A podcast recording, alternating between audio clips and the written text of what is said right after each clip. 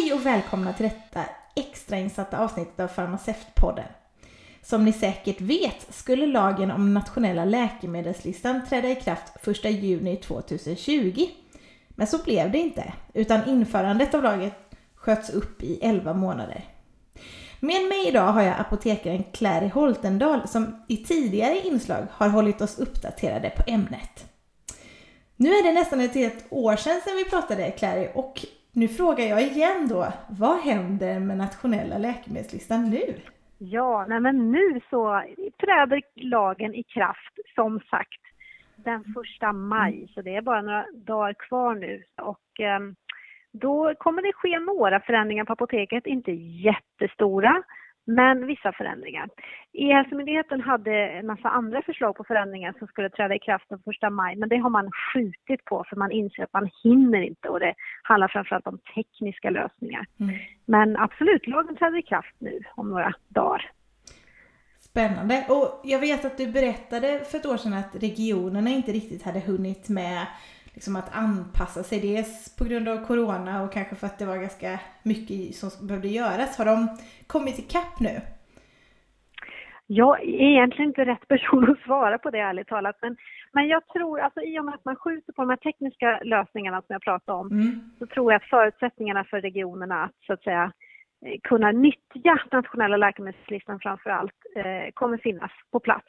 Okay. Eh, för att den lösningen ligger inte på regionen utan den ligger snarare på EOM eh, och den har de, vad jag förstår, fått till. Och det handlar alltså om att vården ska få tillgång till att se utskrivna elektroniska recept då. Mm. Och det kommer de kunna göra från första maj.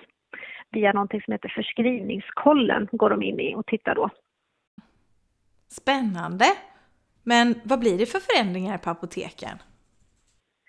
På apoteken är det, den största förändringen handlar nog om att vi måste lagra recept elektroniskt. Det handlar alltså om att vi får inte skriva ut elektroniska recept mm. längre och vi måste lägga in pappersrecept. Det finns några få undantagsfall, men de är inte jättemånga så att de absolut flesta pappersrecepten kommer att lagras elektroniskt.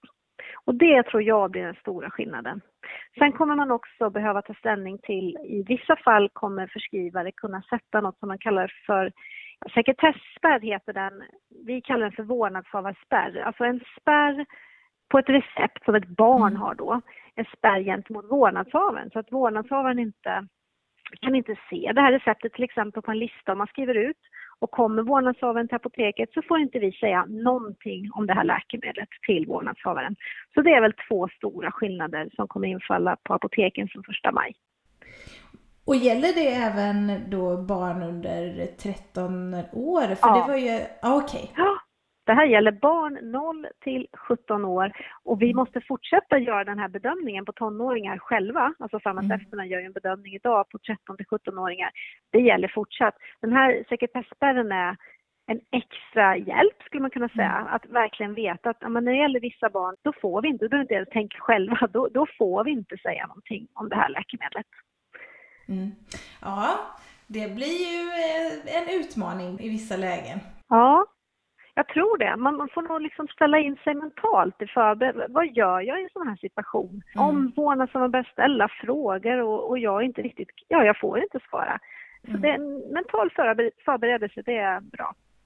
Ja, man kanske ska ha lite så patientfall som man kan öva på. Alltså typ kluriga ja. kundmöten och hur man löser. Ja. Det kanske är ett tips för... Ja, absolut. Ja. Är det något mer du skulle vilja tillägga? Nej, för det är faktiskt de stora förändringarna som infaller nu. Man kanske mm. trodde att, när jag pratade med dig förra gången, då var det ju så väldigt mycket så här, jag vet, ta det här med en nypa salt, jag vet inte vad som mm. händer exakt. Nu vet vi ju. Och just första maj så, om vi säger så här, skärmen ser ju rätt så lika ut på apoteken från mm. 30 april till första maj. De stora skillnaderna kommer snarare när man går upp på vi brukar säga den fulla versionen av NLL, för NLL är ju en stegvis process. Mm. Så först infaller det här första maj och sen går man upp på fulla NLL och då kommer man få tillgång till annan typ av information men man behöver också ta ställning till saker och ting som man inte behöver göra idag. Jag är lite mystisk här för att jag vet att när jag börjar gå in på det så blir det bara struligt. eh, och det har vi två år på oss att gå upp på den här fulla versionen. Så att mm. den dagen, då kommer det nya saker. Ja men det här låter som att detta kommer bli jättebra på sikt i alla fall. Så då tackar jag dig Clary igen för att du har uppdaterat oss om läget med nationella läkemedelslistan. Tack själv för att jag fick vara med.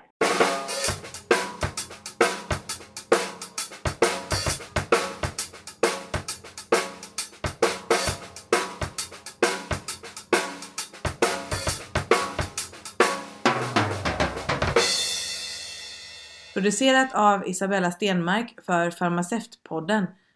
Trummor Fredrik Podgorski.